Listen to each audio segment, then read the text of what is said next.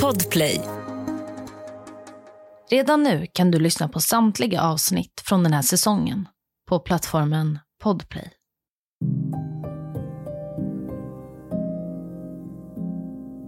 Söndagen den 30 juni 2013. Det är en varm och solig sommardag. Veckan efter midsommar har precis passerat och två poliser rullar ut från polisstationen med målet att åka och köpa glass efter en hektisk helg. Men glassen får vänta, för ett telefonsamtal kommer in från ett bostadsområde där man hittat blodspår i trapphuset. Och vad som väntar är en tom lägenhet och ett hektiskt sökande efter en försvunnen tvåbarnsmamma. Du lyssnar på Jakten på mördaren med mig, Saga Springhorn. Jag vill varna för grovt innehåll i dagens podcastavsnitt. Polis, ropar polisassistenten Ylva in i brevinkastet. Hon tittar in och ser blodspår på golvet. Det kommer inget svar inifrån lägenheten och dörren är uppblåst. Hon och kollegan Martin bestämmer sig för att gå in. Lägenheten är liten och tvn står på i vardagsrummet. De går in i köket och möts där av en enorm blodpöl. Men det ser inte ut som att någon är i lägenheten. Det står mat kvar på spisen och det verkar som att någon har lämnat lägenheten hastigt. Lite längre in i köket, i ett hörn, står en barnvagn. Poliskollegorna tittar på varandra, tar ett djupt andetag och drar upp suffletten på barnvagnen. Den är tom. De andas ut. Inget barn verkar ha farit illa. De går vidare runt i lägenheten. Martin går in i sovrummet. Där möts han av två stora ögon. Det är ett barn som står uppe i spjälsängen, helt tyst, stirrandes på polisen mitt emot. Martin tar upp barnet och bär ut det ifrån lägenheten. Blöjan är helt full, vilket får polisen att tro att barnet varit ensamt minst sedan dagen innan, lördagen. Ylva letar vidare medan Martin möter ambulanspersonalen på gatan. Hon går in på toaletten. Hon tittar bakom dörrarna, i alla skrymslen i lägenheten. Men det är inga fler personer i lägenheten.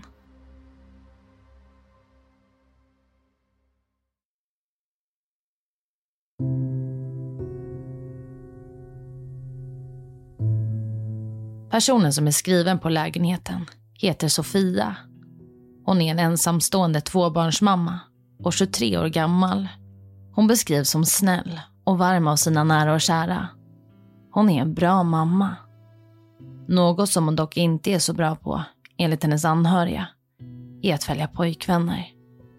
Hon brukar ofta välja pojkvänner som inte är bra för henne. Och det är ju Sofia som saknas. Hon är försvunnen. Och vems blod är det i trapphuset och i lägenheten? Är det Sofias? Vem har varit här? Och vad har hon tagit vägen? Kriminaltekniker kallas till platsen. I förundersökningsprotokollet framkommer att någon, som senare via DNA-prov ska visa sig vara Sofia, har utsatts för våld i sitt hem. Våld som har gett upphov till blödande skador. Och det är klarlagt att trubbigt våld har förekommit eftersom det finns blodstänk på golv och skåp som tyder på just det. Det våldsamma utspelet har enligt kriminaltekniker ägt rum i köket. Det var också i köket som man hittade den enorma blodpölen. Våldet tycks inte ha föregåtts av någon kamp eller bråk. Sådana tecken finns inte i köket, menar kriminalteknikerna. I golvet finner man spår i blod. Två olika sorters skosulor, vilket indikerar på att det varit två gärningsmän på platsen. Man finner också dragmärken i blod, en kropp som har släpats längs med hallen. Hypotesen är att det rör sig om två gärningsmän som tillsammans hjälps åt att avlägsna Sofias kropp från bostaden. Efter mycket om och men rubriceras händelsen som mord. Detta då man hittat Sofias blod i hemmet, men också i trapphuset och i hissen. Att det inte återfinns blod på marken utanför lägenheten tyder också på att Sofia har transporterats därifrån i något fordon. Samma dag, bara några timmar efter att polisen kallats till lägenheten, kallas en annan patrull till ett naturområde en bit utanför staden, där en bil står och brinner. När räddningstjänsten kommer till platsen är bilen helt utbrunnen. Genom registreringsskylten kan polisen hitta ägaren till bilen, en 35-årig man. Mannen bor i närheten av området där bilen hittades. Han och en bekant till mannen, en 31-åring, hämtas in till förhör. Detta för att polisen misstänker att det finns ett samband mellan den brinnande bilen och Sofias försvinnande.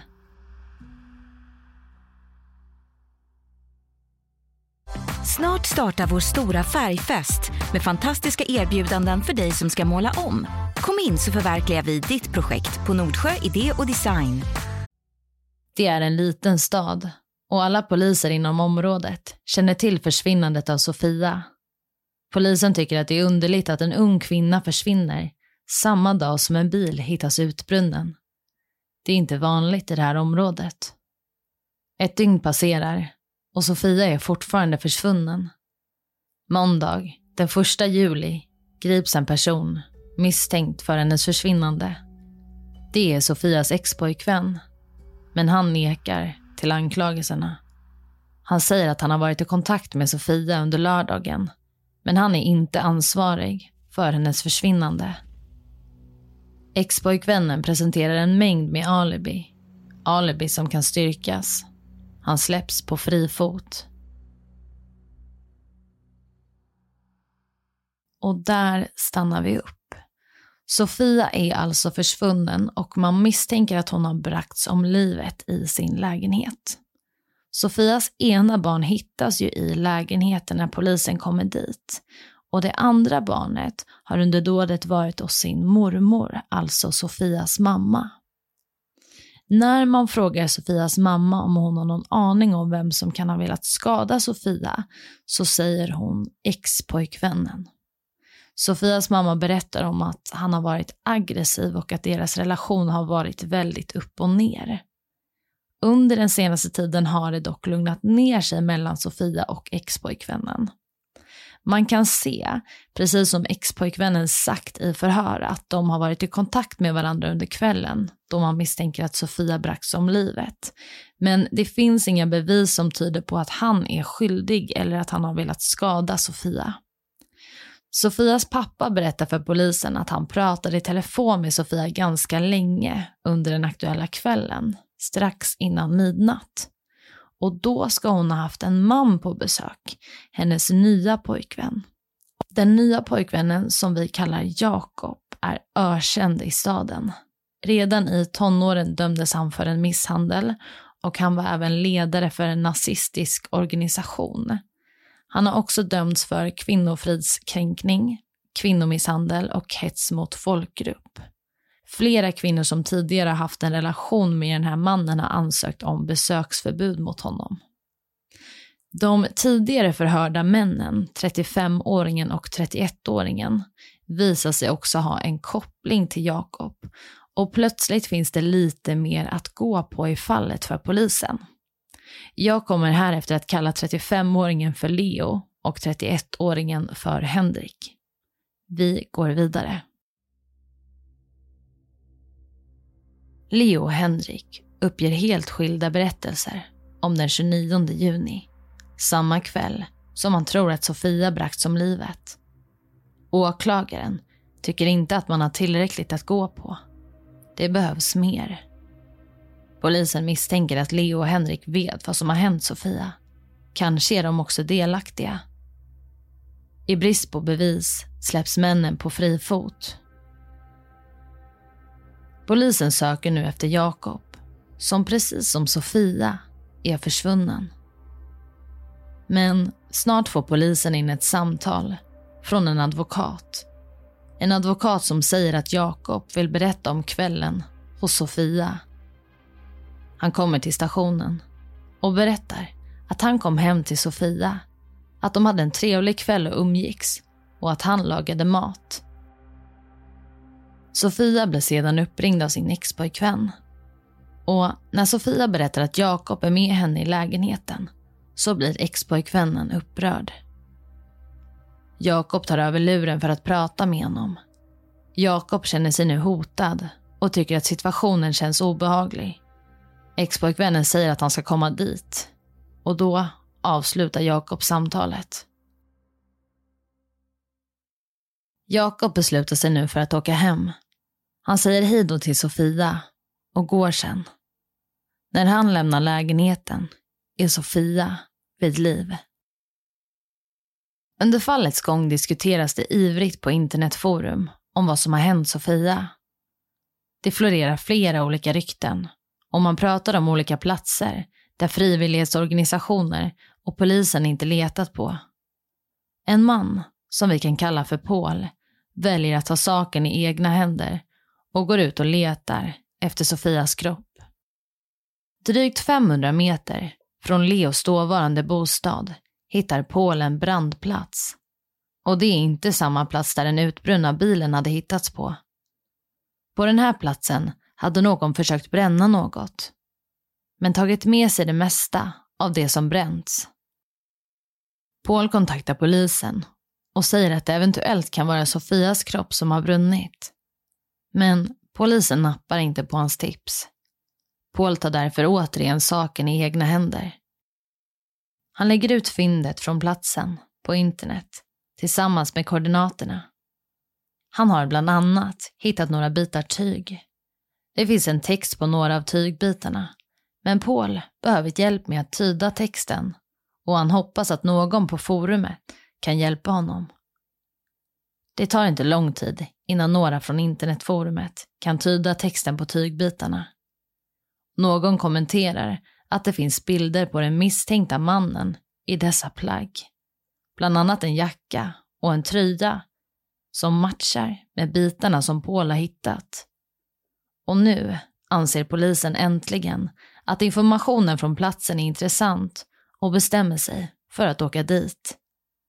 Och det här ska komma att bli avgörande för utredningen. När polisen undersöker platsen hittar man knappar och en del av en skosula. På grund av att sakerna blivit brända så går det inte att göra en DNA-sökning. Men övervakningsfilmer och bilder på Jakob, precis som folk i internetforumet har kommenterat, visar att det är han som bär plagg som matchar fynden från platsen. Jakob anhålls i sin frånvaro. Han har försvunnit ut ur landet. Sofia är fortfarande försvunnen. Polisen antar att hon är död på grund av blodet i lägenheten. Men man kan inte utesluta att hon fortfarande lever.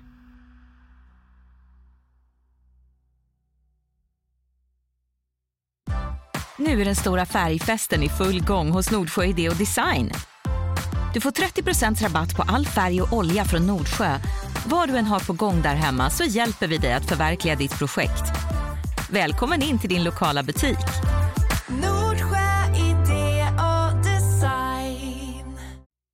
Ja, Sofia är alltså fortfarande försvunnen och det har gått ungefär en månad sedan polisen kallades till hennes lägenhet. I mitten av juli så stärks misstankarna mot Jakob från människorov till sannolika skäl misstänkt för mord. Jakob blir nu internationellt efterlyst. Och Jakob befinner sig ju inte i Sverige, men det verkar som att han känner sig lite stressad och orolig för en dag så går han till den svenska ambassaden i utlandet. Och det gör att man snart kan utelämna honom till Sverige och den 2 augusti 2013 så lämnas han ut till svensk polis och Leo och Henrik hämtas in på nytt för nya förhör. Polisen misstänker att Jakob har skadat eller dödat Sofia och tagit hjälp av Leo och Henrik som han är bekant med för att föra bort kroppen. Men åklagaren anser att bevisningen inte räcker för att anhålla de tre männen misstänkta. De släpps därför återigen på fri fot och polisens arbete försvåras rejält. Vad har egentligen hänt Sofia? Är det ett mord eller ett bortförande? Man arbetar intensivt med att ta reda på vad som har hänt. Poliser, frivillighetsorganisationer och privatpersoner är mycket engagerade i hennes försvinnande och är ute och letar efter en eventuell kropp. Polisen får mellan 50 och 75 tips om dagen om Sofias försvinnande, men ändå har man fortfarande inte hittat henne. Vi går vidare. Det är en mild torsdagskväll, den 8 augusti 2013. En privatperson är ute i ett skogsområde och promenerar. Det har gått fem veckor sedan Sofia försvann. Plötsligt ser personen något längre fram som sticker upp bland gräs och grenar. Det ser ut som hår, ett par jeans och en arm. Personen ringer till polisen omgående utan att gå fram till det som ligger där borta. Polisen anländer till platsen och finner vad som ser ut att vara en kvinna. En avliden kvinna. Även polisen backar undan och inväntar tekniker. Kroppen är mycket sargad och svår att identifiera. Men delar av kroppen hade klarat sig så väl att personen tack vare sina tatueringar kunde just identifieras. Och det är just Sofia som har hittats. Nu, när polisen hittat Sofias kropp, har de tillräckligt med starka bevis för att väcka åtal mot de tre misstänkta männen. Jakob förnekar all inblandning. Men tack vare att man hittat DNA från honom hemma hos Sofia, plus hans skoavtryck på fyndplatsen, skoavtryck i blod, så kan Jakob knytas till platsen och det finns tillräckligt att gå på. Under utredningens gång förändrar Jakob ständigt sin historia. Men genom hans mobilanvändning kan åklagaren knyta Jakob till flera platser som är aktuella i fallet. Jakobs många historier brister. Men han är kreativ. Han börjar berätta vad polisen tycker är osannolika berättelser. Han säger att han har flera telefoner och att han inte använt just den telefonen i fråga under den dagen, på den platsen. Det håller inte. Han är på sannolika skäl misstänkt för mordet på Sofia. Polisens kartläggning av telefontrafiken under lördagskvällen visar att Jakob under kvällen har pratat med både Leo och Henrik samtidigt som Sofia pratat med sin expojkvän. Han ringer dem för att expojkvännen har hotat med att komma till lägenheten och ge sig på Jakob.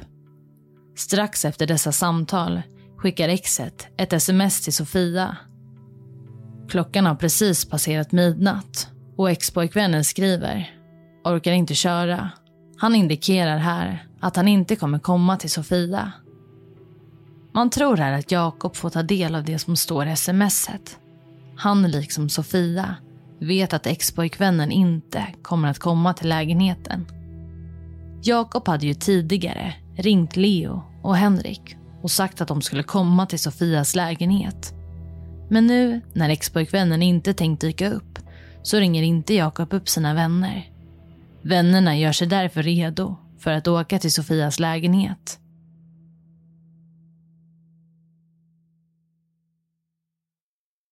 Klockan 00.18 försöker Henrik nå Jakob som inte svarar.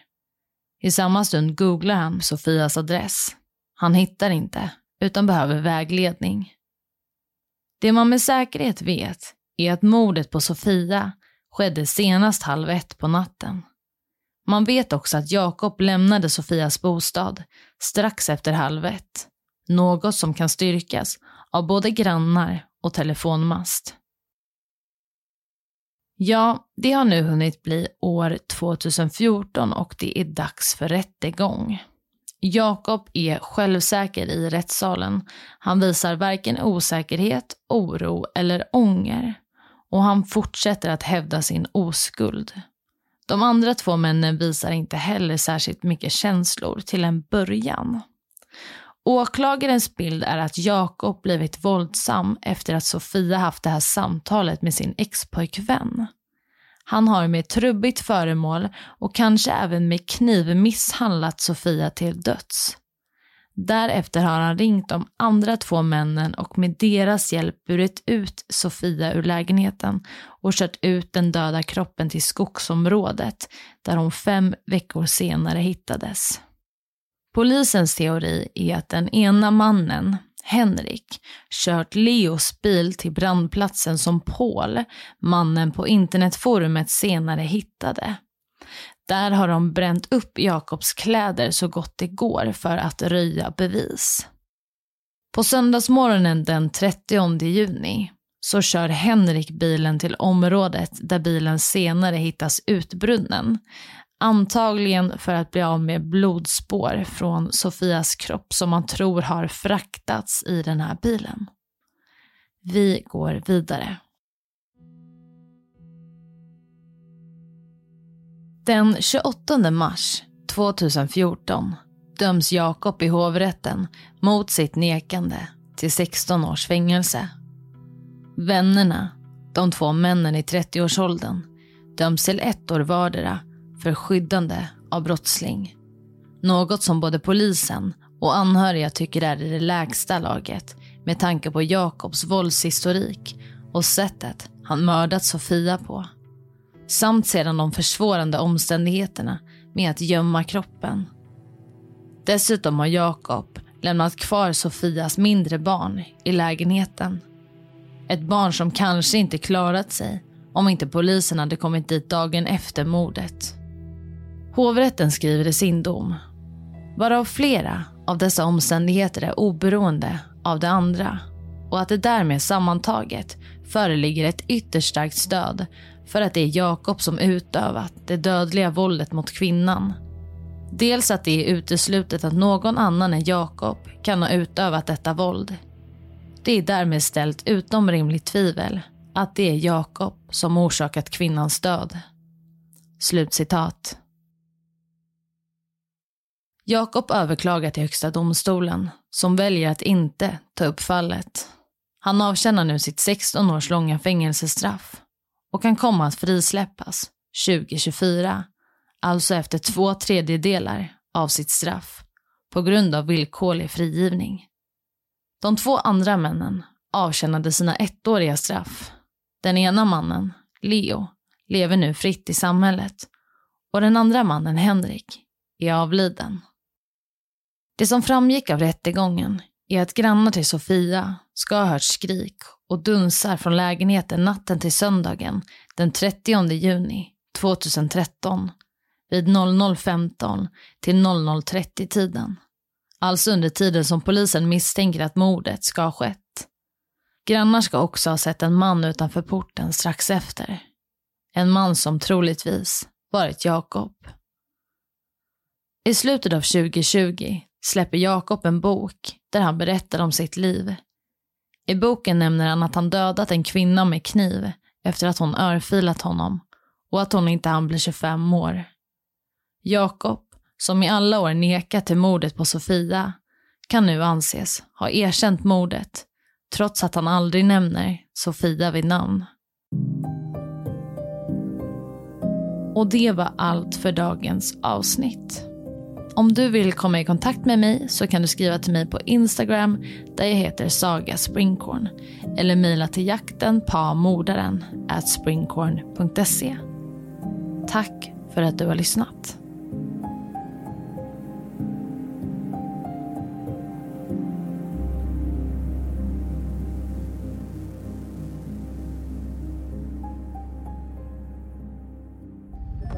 Podplay, en del av Nu är den stora färgfesten i full gång hos Nordsjö Idé och Design. Du får 30% rabatt på all färg och olja från Nordsjö. Vad du än har på gång där hemma så hjälper vi dig att förverkliga ditt projekt. Välkommen in till din lokala butik.